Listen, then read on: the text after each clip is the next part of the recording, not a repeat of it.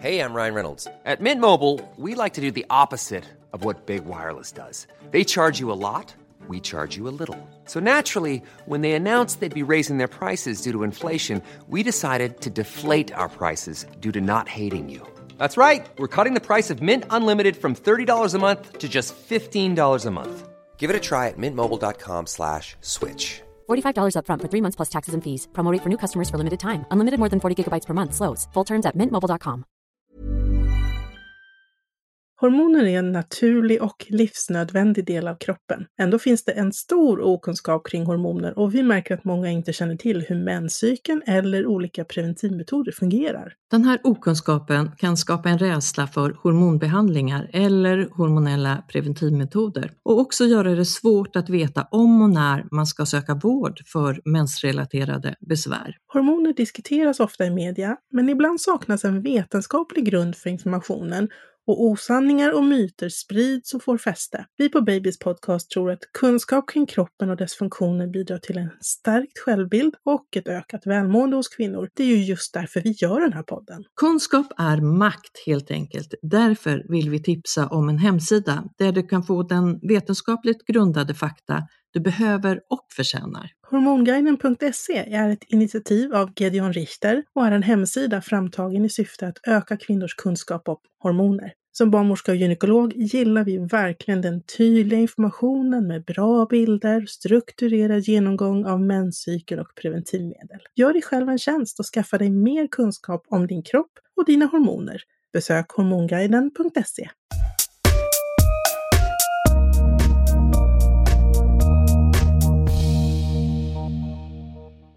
Alltså händer det en massa saker med kroppen under graviditet, ja det har ni ju knappast missat.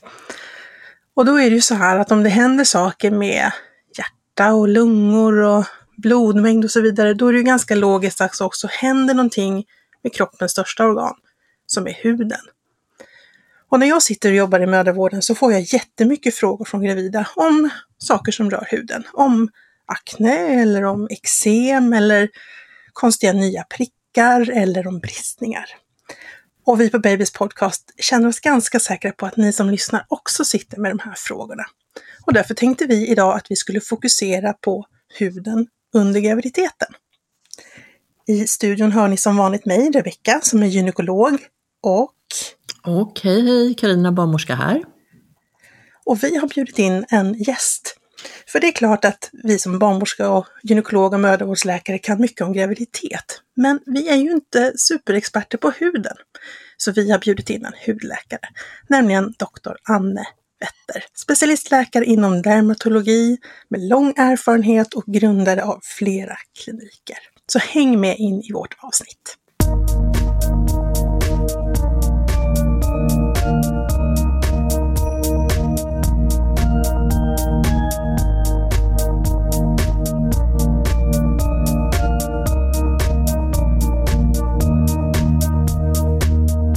Varmt välkommen Anne!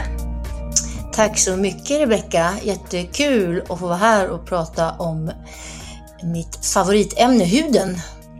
Ja, och jag känner mig superpepp för att jag vill verkligen lära mig det här. Och, och det är mycket mer spännande än vad det låter när man, man säger bara huden. Eh, två, alltså ja. på en vuxen person så är det två kilometer, alltså 10 kilo hud. Ungefär, alltså det beror på lite hur stor man är och vilken vikt och så, men det är ju vårt största organ. Så mm. eh, allting syns ju precis som du inledde med Rebecka, att det är ju mycket som händer på insidan och som hudläkare blir man ibland lite av en detektiv. För man kan ju se tecken på huden som faktiskt speglar insidan. Men, men om man skulle börja med vad, det, vad som generellt händer med huden under graviditet när det gäller pigment och torrhet och känslighet. Liksom vad, om vi börjar från början. Precis, och eh, under graviditeten, eh, det vet ju alla att det är en eh, orkan av olika hormoner i olika tider när man går in i de här olika trimestrarna. Eh, och huden påverkas och man kan säga generellt att har man, det finns ju vissa hudsjukdomar som är kroniska, eksem, psoriasis till exempel. Där är det jättesvårt att säga om de blir bättre eller sämre under graviditeten. Eh, många erfar att det faktiskt blir bättre under graviditeten eftersom immunförsvaret ofta sänks lite och eh, kanske inte är lika aktivt då och många av hudsjukdomarna har lite sån här immunologisk genes. Men sen finns det lika många hudsjukdomar då som kan förvärras under graviditeten. Eh, och sen finns det ju också en mängd eh, sjukdomar, eller vad man säger, eh, vanliga, akne är ju faktiskt en sjukdom och under just en graviditet när man är så påverkad av de här olika hormonerna, östrogen, progesteron och på slutet av graviditeten sen prolaktin, så är det beroende på hur känslig man är för det här påslaget och då får vissa kvinnor mer akne just under graviditeten. Men jag fick ju lära mig när jag läste graviditetsfysiologi att, att huden under graviditet blir generellt mer eh, fuktig. Mm. Eh, men ändå tycker jag att det är jättevanligt att gravida snarare säger det motsatta. Att de tycker mm. att huden känns så torr och att det liksom är så lite irriterat, kliigt och att man vill smörja sig hela tiden. Ja. Alltså det är nog väldigt individuellt vad som som sagt händer under graviditeten. Eh, men generellt har man ju också hört att det blir en väldig glow i huden, att man får den här lysten under graviditeten. Mm. Och det har ju att göra med att man också får lite mer kärl, man får mer vätska i kroppen eh, och det här lite lysten som då faktiskt kan eh, vara att man, att man får en ökad eh, kärltäckning i huden och får lite av den här glow-biten. Men sen är det ju många, jag tror att det första man tänker på under graviditet, det är nog de här pigmenteringarna som sätts mm. i huden. För man är, och där är igen så himla individuellt vilken typ av person man har, vad man har för genetik. Eh, för just pigment ökas ofta under graviditeten. Man är mer känslig för solljus, eh, annat ljus också faktiskt. Och melasma till exempel finns något som heter, men även andra typer av sådana här pigment i huden. Som sen kan stå kvar efter graviditeten men faktiskt kan följa med efter man då har eh, fött barn. Och, och, vad ska man göra för att eh, förebygga eller att minska risken för att få en pigmentering? Den är väl inte farlig i sig? Nej, och där måste man skilja på, det finns olika typer av pigmentering. Det som man, kanske det som man tänker först på det är den här melasma som också kallas för graviditetsmask, kloasma, det finns lite olika namn på det. Och det är en väldigt eh, klassisk pigmentering som brukar sitta symmetriskt i ansiktet på kinder. Ibland sätter det sig runt munnen, nästan som en liten mustasch.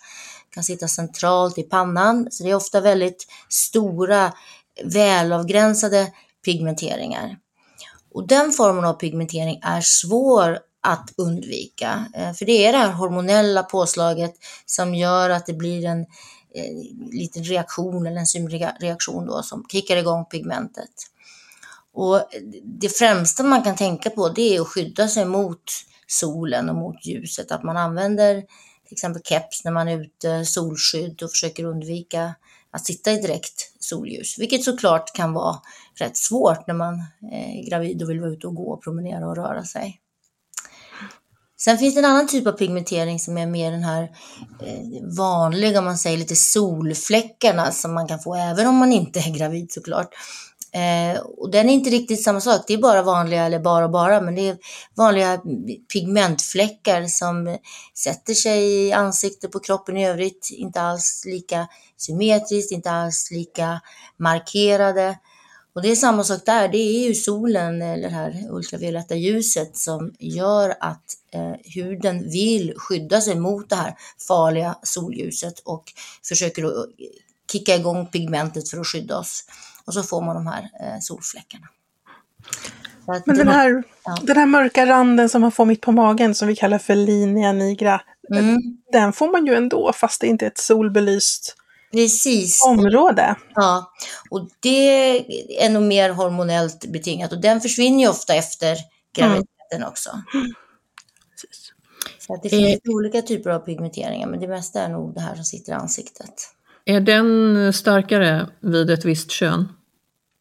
Eller är det, det en... finns nog ingen riktig vetenskap bakom det tror jag. Att det Nej. skulle vara en pojke eller flicka du menar som... Mhm. Ja, nej, det tror jag inte vad jag Ingen vet i alla fall. Nej. Nej, den frågan har jag fått förut här i podden och försökt hitta Ja. någon slags evidens för i studier, men nej, det fanns inget. Nej, det har, du, nej, det har faktiskt inte heller. Po- Pojkar hörde vi då, Rebecka, va?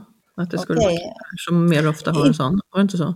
Inte just med linea nigra, jag tror du tänker på kanske någon annan, något annat hudtillstånd. då. Det är det många som har sagt, att det skulle ha en... eh, Att man skulle få mer akne om man har pojkfoster, men det tror jag inte heller finns någon sanning bakom. Okej. Ja, hur som. Det finns ingen vetenskap eh, vilket är en pojke eller flicka med Nej. just det. Sen har man ju Men hört du, så här... pigment, Ja. pigmenteringen, går, går den oftast bort efter graviditeten? Och går den bort, kommer den tillbaks eh, i och med fler graviditeter? Ja, alltså har man den här eh, läggningen att få den här klassiska melasman så kommer den ofta tillbaka när man blir gravid igen. Eh, man kan såklart få det här även om man inte är gravid, om man står på p-piller, andra typer av hormonell behandling och man kan få den även utan hormoner. Så att vi vet inte riktigt varför vissa får det, men ofta brukar den då bli blekare när man är färdig med amningen. Ofta under amningen kvarstår den. Och sen finns det ju som sagt det, det första, det, det mesta, eller det, det, det man bör göra som man absolut säger är primära, det är då att eh, undvika direkt solljus, eh, ultraviolett strålning. Och där har man också sett en hel del nu studier på att till och med det här blåa ljuset kan trigga igång och det här vanliga eh, synliga ljuset kan trigga igång eh, den här typen av melasma. Så att det är det första. Och vill man sen bli av med det så finns det ju såklart olika behandlingar. Eh, om det kvarstår efter en graviditet, jag brukar aldrig rekommendera att man ska behandla med starkare produkter på huden under en graviditet, utan vänta tills eh, man har fött sitt barn. Mm. Något annat som är väldigt, väldigt vanligt och som rör huden, det är ju hudbristningar. Mm. eh, eller strier som vi kallar det för då, som ju vanligen sitter eh, på magen men kan sitta liksom på, på bröst, lår, överarmar. Mm. Det här, det här, om jag förstått det rätt så är det ju att det, hud, huden ska liksom expandera så fort så underhuden inte riktigt hänger Precis. med.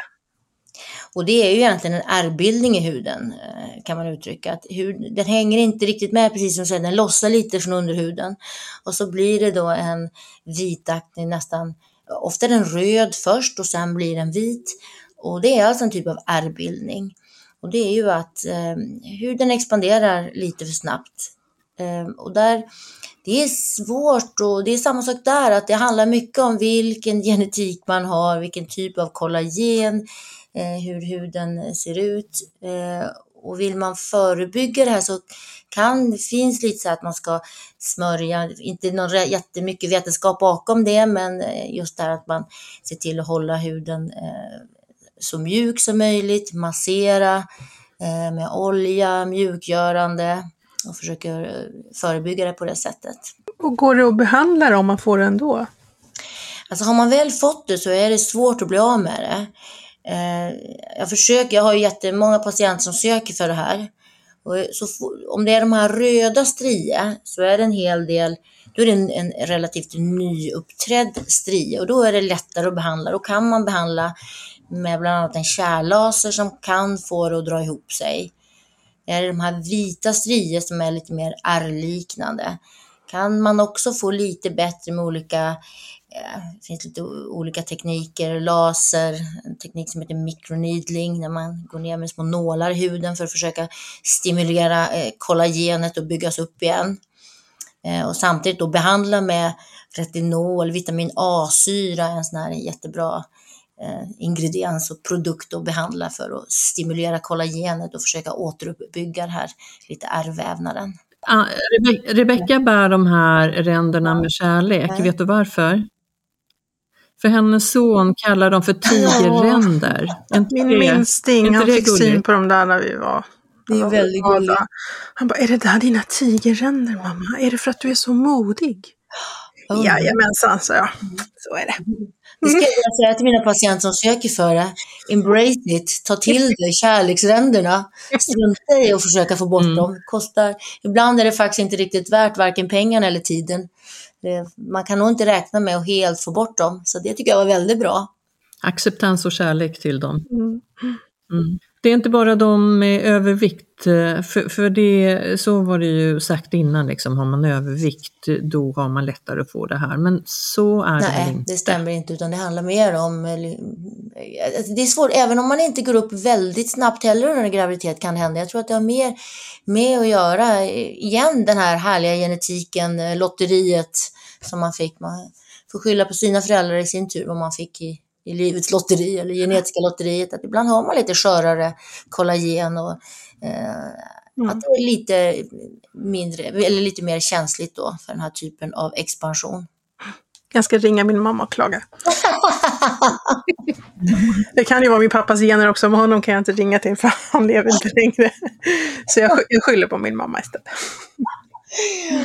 Ja, det är bra. Du var inne på det här att förebygga då med att smörja in huden. Jag läste för ett tag sedan att kakaosmör och cheasmör skulle vara det som sägs ha bäst effekt. Är det någonting som du dissar? Nej, jag dissar inte. Jag, har inte. jag måste säga, där tror jag att ni kan det bättre än vad jag kan. Det är mer, jag tror att det är mer den här liksom massagen, att man ska underhålla och mjuka upp huden och på så sätt stimulera lite den här kollagen-nybildningen så att det inte tappar eh, kollagenet. Men igen, jag tror inte att det finns något riktigt bra svar på det. Man ska nog bara vara lite försiktig med mer såna här eh, rena, ja men olivolja är bra för många, men ibland kan det ju faktiskt, man kan reagera rätt mycket på de här organiska oljorna som finns i huden om man är känslig. Men du, vad säger du om, om eh, oljor som innehåller E, e och C-vitamin? För det var ju också ett tag som man rekommenderade. Mm. Absolut, och det absolut tror jag också är jättebra, framförallt kanske vitamin E då, som eh, jag tror jag har sett mest på. Men även vitamin C, där vet man ju att det också är sånt som går in i huden och hjälper till. Och det behövs ju framförallt vitamin C när kroppen bildar nytt kollagen. Så det är ju en sån här nyttig vitamin som, som kroppen kräver för att det ska återuppbyggas.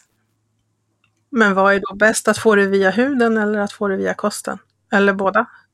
Det är nog förmodligen via kosten, eh, för där beror det på väldigt mycket hur de här eh, molekylerna ser ut som går igenom huden. Det mesta går ju inte. Vi har ju vår hud är ju en väldigt tät, som en regnkappa egentligen, som håller huden. Det, det släpps ju igenom väldigt lite genom huden, så det måste ju vara små, små eh, molekyler för att kunna gå ner och faktiskt påverka.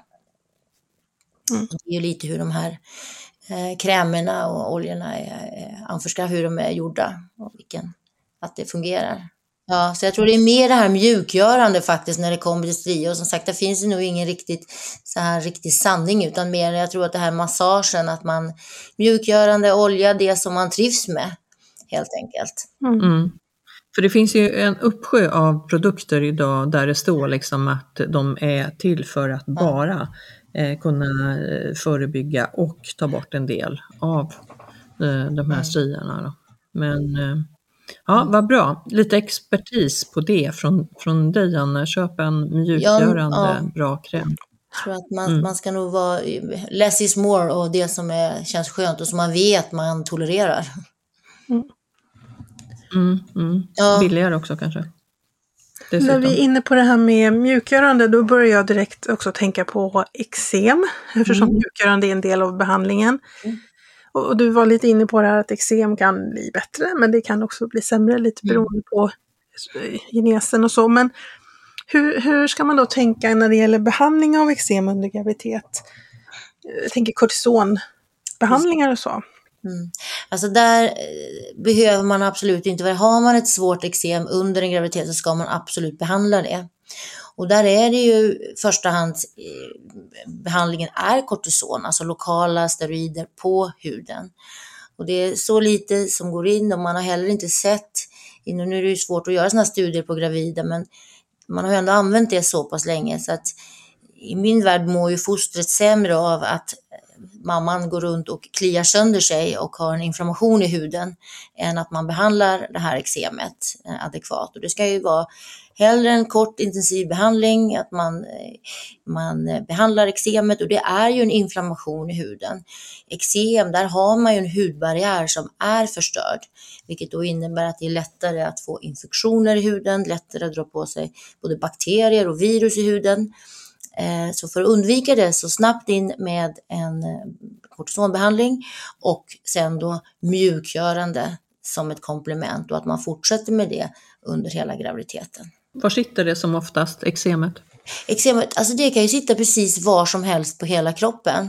Nu pratar vi kanske mer det här atopiska eksemet och det är ju en, igen det här lotteriet, genetiken, det är ungefär 20 procent av Sveriges befolkning som faktiskt har den här genen för atopi och då, det kallas också böjväxteksem.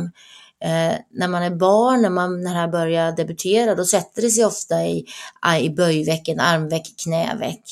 Eh, men sen när man blir vuxen så kan det sitta precis eh, var som helst, runt ögonen, händer. Och man är också mer känslig. Har man en atopi så är man mer känslig för det här upprepade tvätt. Huden är lite skörare. Så att det är ännu viktigare att man faktiskt eh, har en, en mjukgörande kräm som man trivs med, smörjer huden, ser till att man håller den intakt och behandlar när man då har det här aktuella eksemet. Och vad rekommenderar du för tvål eller inte tvål utan någon, någon ja. olja att tvätta sig med som skulle kunna vara till fördel? Alltså, det, alltså tvål, det ska ju vara någon duscholja, egentligen vatt, även vatten är ju uttorkande för huden.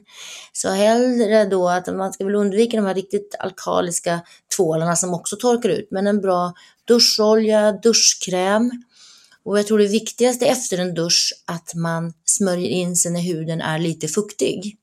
Och det brukar jag förklara som att huden är som en wettextrasa, att när den är lite fuktig så suger den ju åt sig vätskan lite bättre. Om man tänker då på en disktrasa som är torr och man ska suga upp eh, vatten från eh, diskhon eller diskbänken så tar den ju inte riktigt till sig den här vätskan eller suger till sig. Och samma sak med kroppen, så att gärna eh, direkt efter en dusch att man smörjer in sig och klappar in huden när den är lite fuktig. Det var en jättebra jämförelse. Den, den ska jag ha med mig. Ja, Extrasan. Det var lätt att förstå. Det funkar för alla, även män. Är du säker på det? Ja. Han ska prova, jag har ett antal män i huset här. Så jag ja. går och kolla vad de tänker. Um, har de sett en disktrasa? Ja, nu ska inte jag vara taskig. Det är faktiskt min Nej, man som sköter kök och hushåll. Ja, jag bara raljerar. Mm. Mm. Eh, ja, du var lite inne på det här med akne förut också. Mm. Hur är det med akne under graviditet? Jag tänker när hormonerna liksom sprutar ur öronen. Samma sak där, alltså vissa är ju väldigt, blir väldigt påverkade av hormoner, hormonella spegeln. Och akne det är ju en, också en inflammation i, utgår från talgkörtlarna. Det är ofta det är de här receptorerna, om man nu ska gå in lite mer medicinskt, det här androgen, det här manliga könshormonet som ofta triggar igång det. Så den här spegeln med olika progesteron, östrogen, så är det vissa som är mer känsliga att få det. Så där kan jag inte riktigt eh, svara på när under graviditeten det är mer vanligt och så, utan vissa får rejält med akne under en graviditet. Och det behandlas ju egentligen precis på samma sätt som när man får akne om man inte är gravid. Förutom då att man, jag sätter inte in någon direkt tablettbehandling eh, på gravida utan brukar försöka hålla mig till lokalbehandling. Eh, även att man ibland rekommenderar en typ av laserbehandling, en kärllaserbehandling för att dämpa inflammationen. Mycket mer gå på det här med hudvården för att försöka lindra besvären just under graviditeten. Och det är också en relativt begränsad period så att eh, de flesta brukar köpa det, att de kommer lite oftare och går på till exempel rött ljus är också sån här bra behandling att göra under graviditeten. Och är det någonting som man liksom kan få eh, på alla hudmottagningar eller är det eh, mera... Ja, tyvärr då va, så de här sådana typer av behandlingar, det är nog ingenting som den offentliga vården står för, utan det får man ju tyvärr då stå för själv. Mm. Men eh, vanliga, ja, aknebehandlingar, eh, lokalbehandling, benzoylperoxid, eh, acelinsyra. Eh, däremot skulle jag vara lite försiktig ändå, även om det är en minimal mängd vitamin A-syra, retinoider som går igenom huden. Men man vet ju att de här vitamin A-syrorna som är en jättebra behandling mot akne, Eh, om man äter de tabletterna så blir fostret skadat i princip 100% av fallen. Så att jag brukar ändå inte rekommendera att man ska använda Eh, kräm, även om det inte finns några som helst bevis på att det skulle eh, påverka fostret. Men just i det fallet tycker jag ändå att, att det finns eh, alternativ som man känner sig mer säker med, som man absolut inte kan skylla någonting på en behandling man har gjort under en graviditet om någonting skulle bli fel eller att, att fostret skulle födas skadat. Och när det gäller det här med när under graviditet är som värst, jag kan bara liksom tänka hur, hur jag träffar gravida på mödravården. Jag tycker att det är en vanligare fråga första tredjedelen av graviditeten. Det verkar vara då som det liksom med akne? Ja, att det liksom exploderar som mest då och sen att det lugnar sig lite. Men Där. även i den sista fasen, jag har en hel del också som kommer och mm. har problem just i det här slutskedet. Mm. Kan det vara så att man inte någonsin har haft akne tidigare fast det uppstår nu under graviditeten för första ja, gången? Ja, det kan också hända. Allt är möjligt i vår Herres hage. Även om det nog är mer ovanligt, men det finns absolut, eh, absolut patienter som aldrig haft, haft den bästa huden alltid och så blir de gravida och så bara händer allting. De får akne, de får torr hud, de får hela livet rasar i princip. Och där är det många som säger att om det är en flicka då så är det att det skulle vara större risk att de här flickfosterna tar mammans skönhet och ger ful hud. Men det tror jag inte heller finns någon riktig vetenskap bakom. Nej, det tror inte jag heller. Nej. Nej, men det är en rolig skröna. Ja.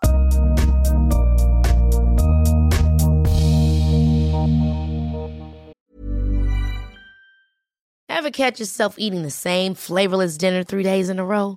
Dreaming of something better? Well, HelloFresh is your guilt-free dream come true, baby. It's me, Gigi Palmer.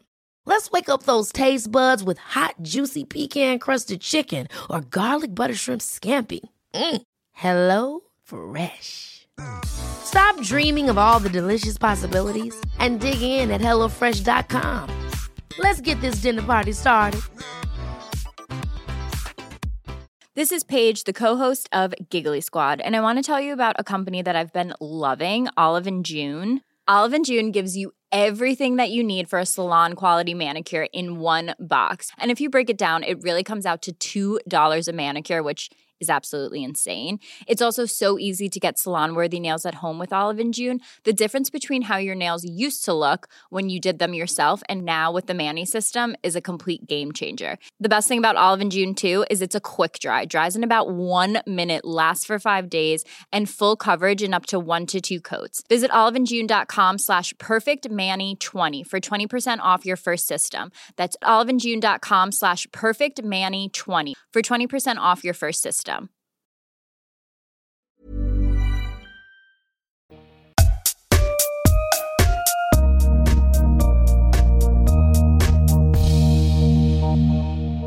Nej, men jag tänker psoriasis. Eh, hur påverkas det av graviditeten? Ja, precis samma sak. Det är också en inflammation och en autoimmun sjukdom. Så att det finns ingen, det, vissa blir helt besvärsfria under sin graviditet för att det sen kommer tillbaks så fort de har efter förlossningen. Medan andra blir förvärrade. Så det är ungefär som eksem där, det är svårt att säga. Och det finns inte heller någon, tycker jag, riktigt mellan olika graviditeter. Vissa kan ha den ena graviditeten och inte den andra graviditeten. Och det är samma sak där, psoriasis, har man en svår så ska ju den behandlas under graviditeten. Att det är bättre att behandla än att gå runt och, och må dåligt över sin, sin, grund, sin kroniska sjukdom som man har. Och är det likadant där att vissa preparat är helt okej okay att fortsätta med och andra kanske man ska pausa med? Och... Mm. På psoriasis är det ju många som står också på tablettbehandling och immunosuppressiva behandlingar och det är klart, det pausar man under en graviditet. Eh, mm. Så det är ungefär som eksem där att man behandlar med eh, kortisonpreparat och när det kommer till psoriasis även sån här ljusbehandling, UVA, UVB mest då som finns i olika ljuscenter och det är någonting som vi gör i den offentliga vården som man kan få. Och det går att göra under graviditet Det också? går att göra under graviditet. Då får man väl bara lite tänka på det här med pigmenteringen. Men även det här är ju ett medicinskt ljus och när det kommer till psoriasis så gör man ju det väldigt korta, ibland är det bara 30 sekunder som man är i den här UV-lampan. Så att det brukar fungera men man kan ändå tänka på det. Hur är det med rosacea då? Ja, samma svar där tror jag tyvärr jag måste säga. Det är svårt att säga om det. Ja. Det finns ingen riktig. Det är, har man det så kan det ju blomstra. Och, rosacea där, till skillnad mot både akne och psoriasis och eksem, så vet man ju inte riktigt vad det är som triggar det och vad det är som gör att vissa får det. Mer än att man ser att det är liksom en inflammation i huden runt kärlen ofta. Och man tror att det har lite med de här mikroberna, vårt, eh, hela den här bakterie, bakteriefloran som sitter i vår hud. Det finns ett litet kvalster som heter Demodex som man tror då är lite aktivt som triggar den här inflammationen. Som sagt, där igen, eh, kanske lite mer det, det kan blomstra och eh, behandlar precis nu faktiskt en, en tjej som det bara helt löpte amok direkt, nästan innan hon visste att hon var gravid. Och nu har hon gått just på lite laserbehandling. Man kan ju inte sätta in så mycket då, utan det är samma sak där. Det är lokalbehandling. Eh, och så går hon på lite laser och så försöker vi hålla det i schack. Så det är svårt att, att säga det. Man får, det får man se när det kommer, så får man försöka lösa det efter bästa förmåga. Kan inte ni beskriva vad rosacea är för Eh, rosacea, det är en, alltså det, är, finns många olika typer av rosacea. Egentligen finns det nog 20-25 olika typer av det. Men den vanliga som man tänker på, det är den här när man får en diffus rådare i ansiktet. Det kan nästan se ut som finnar med såna här papler, lite pussler, sätter sig på kinder, runt munnen, näsa, panna men brukar inte sitta på övriga kroppen då, till skillnad då mot akne som gärna sätter sig både på bröstet och ryggen. Eh, och en annan stor skillnad mot akne det är att på rosacea så är det inga pormaskar utan här är det rena bumlingar och man kan heller inte klämma rosacea på det sättet som man kan göra då med finnar. Men det kan se rätt likt ut. Så det mest framträdande är den här eh, påtagliga rodnaden i ansiktet och lättväckt rodnad. Som också då triggas av varma drycker, eh, värme, temperaturväxlingar, alkohol, kanske inte är så aktuellt under graviditeten men för den som inte är gravid som har rosacea. Hur är det med stark mat och rosacea? Stark mat, precis. Ja. Allt det här som vidgar kärlen som gör att man får den här värmeökningen. Och det kan man ju tänka sig under graviditet att man får ju ofta en liten temperaturhöjning, man har en större blodcirkulation, större, att man är lite varmare i kroppen som kan tänkas trigga just rosacean då när man är gravid. Hur är det med andra eh, hudsjukdomar? Vi har ju faktiskt tidigare haft ett avsnitt om PEP eller PUP. Pupp, ja. Precis. Ja. Eh, och då pratade vi, ja, det, så det pratade vi länge och väl om, men då så nämnde vi också lite andra så ovanliga saker som pemfigoid och är det liksom, vad, vad finns det för ovanligare grejer men som är tyd, lite tydligare kopplat till graviditet? Alltså, just pemfigoiden, den är ju väldigt ovanlig. Jag kanske Mm ett eller max två fall av den tror jag. Eh, om det är en på hundra, eh, det är väldigt få fall. Eh, och där är det ju, där får man utslag som ofta är grupperade.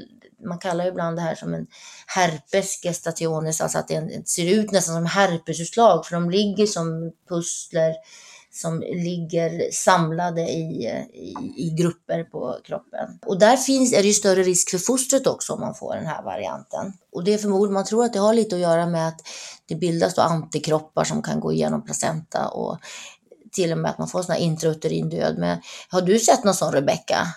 Jag har, all, nej, jag har aldrig sett någon pemfigoid. Det har Nej. jag inte gjort. Däremot eh, PUP eller PEP som Ja, det kallas för.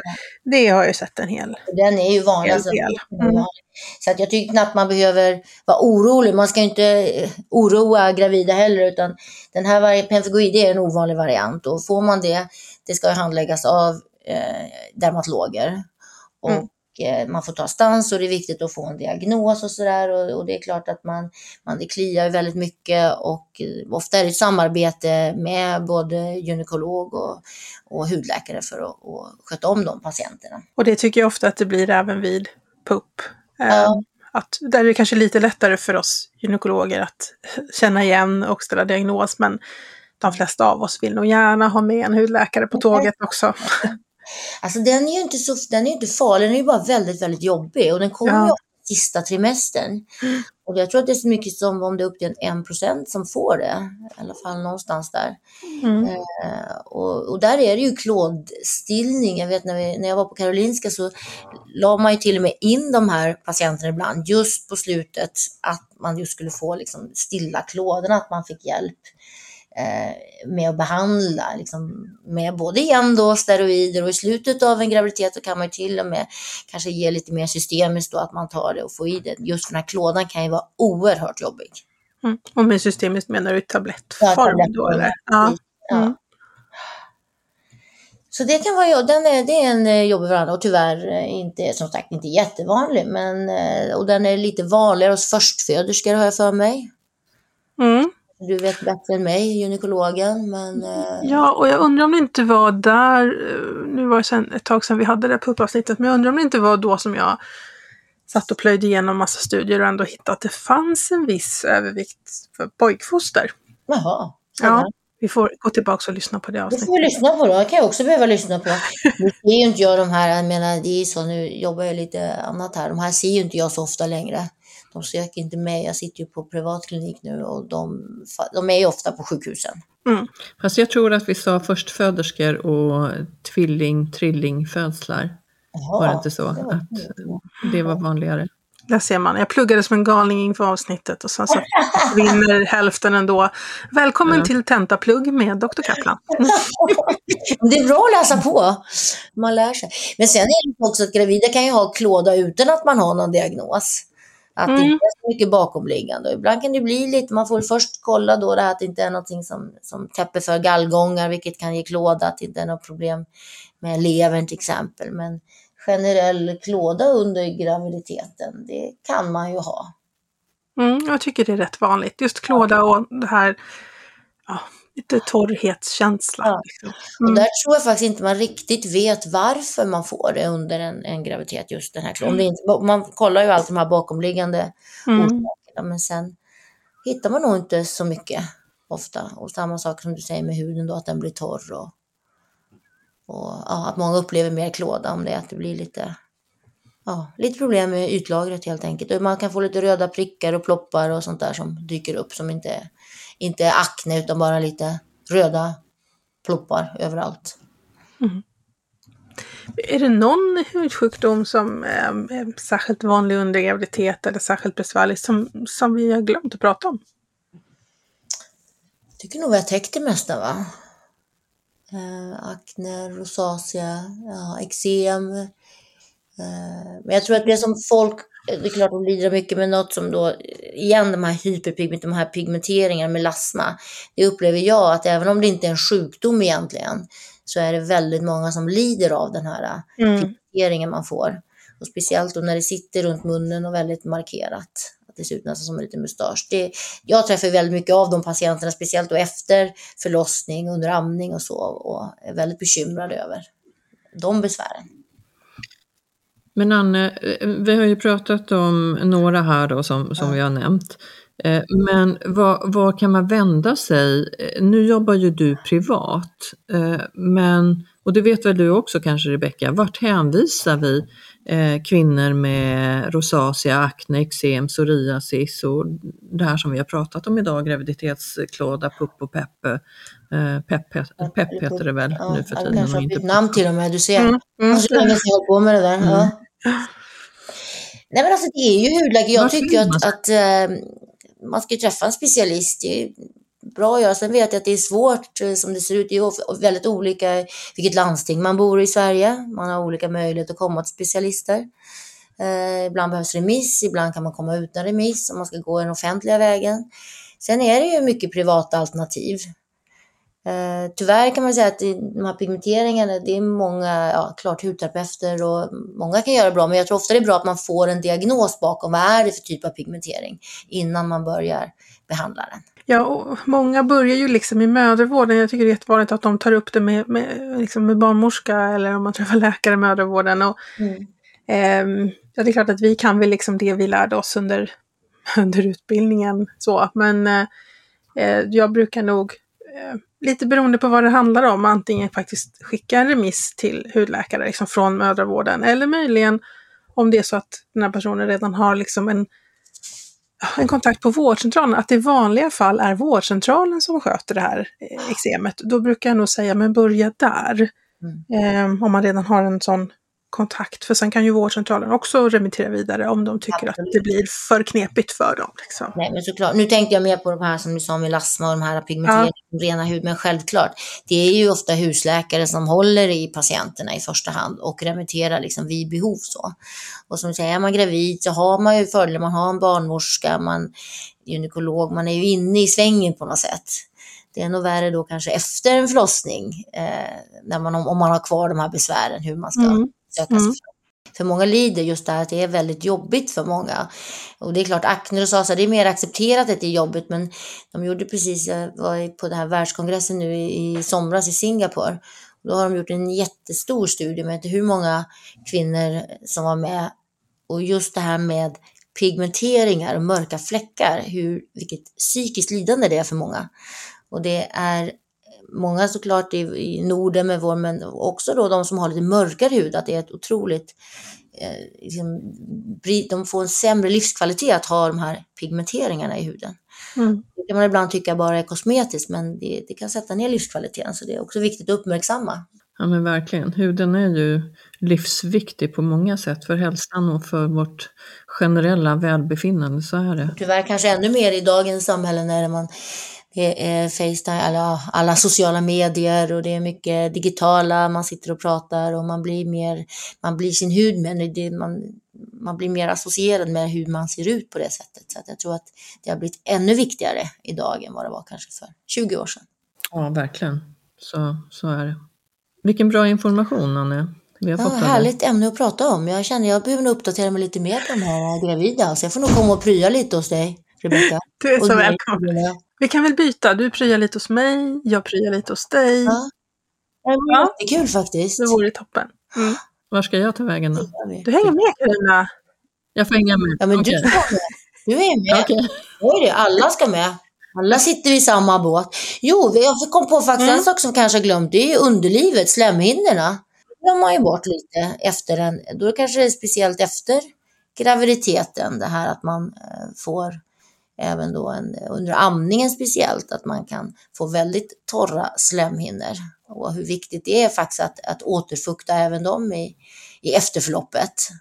Där blir det nästan att man går lite in i klimakterievarianten, att man blir så, kan bli väldigt torr. Så där finns det också bra produkter som man kan återfukta med. Mm. Så att huden ska återfuktas men även slemhinnorna kan Mm. behöva återfuktas. Och där är det ju, där kan jag tycka liksom, där det finns, eh, ja men det här vanliga liksom råden kring eh, att tvätta med olja, smörja med olja eller något fuktgivande som passar underlivet bra. Men det också finns, finns ju fuktgivande gelar som man kan använda inne i slidan och det finns eh, lokalt östrogen som man kan använda det går också bra Mm. under amning. Så att, ja, ta hand om. Nej, men att det uppmärksammas. Jag tror att man behöver inte skämmas för, det händer de flesta. Det kan du igen mer än mig, kan, eh, båda två, men jag tror att det, och det är också viktigt att prata om det och, och förstå. Ja, så man inte tror att eh, det drabbar mig och ingen annan, utan det här är ganska vanligt ju och det, det är jätteviktigt att lyfta. Ja, vad bra Anne Wetter, hudläkare. Du har gett oss eh, information om diverse här idag. Fantastiskt. Ja, tack snälla. Ja. Eh, ja, då kommer vi Mm. till dig. Ja, då kör vi, Ja. det gör vi. Ni är så välkomna, men då, då, ses vi. vi. snart och så tackar vi dig för Ja. idag. Eh, ha det så bra, hälsa din klinik och du jobbar ju tillsammans med en plastikkirurg också. Ni har ju också en podd som ni kan besöka som heter Nip Talks. Nipto. Och där har vi faktiskt ett avsnitt just efter det här med gravidmage och lite mer vad man kan göra både efter en förlossning och eh, mammamage och mammabröst och allt vad det är. Så det kan vi också ta. Ni får komma och prya helt enkelt så gör vi en gemensamt avsnitt allihopa tycker jag. Tack för ikväll, hej då! Tack för ikväll! Hej! Ja, Ja. du och jag är tillbaka snart som vanligt och eh, under tiden så som vanligt det är också lyssna håller jag på att säga, det ska ni göra. Men ni ska också titta in på ett Babys podcast på Instagram för lite mer information. Eh, vi är snart tillbaks, ta väl hand om er. Tack och hej! Hej då!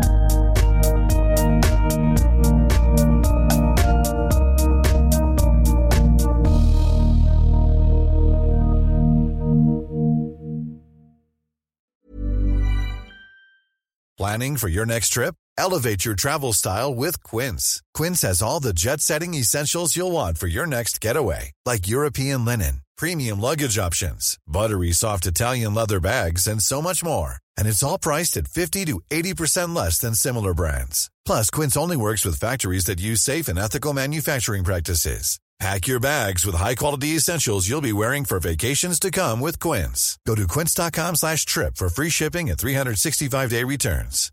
Hi, I'm Daniel, founder of Pretty Litter. Cats and cat owners deserve better than any old-fashioned litter. That's why I teamed up with scientists and veterinarians to create Pretty Litter. Its innovative crystal formula has superior odor control and weighs up to 80% less than clay litter. Pretty Litter even monitors health by changing colors to help detect early signs of potential illness. It's the world's smartest kitty litter. Go to prettylitter.com and use code ACAST for 20% off your first order and a free cat toy. Terms and conditions apply. See site for details.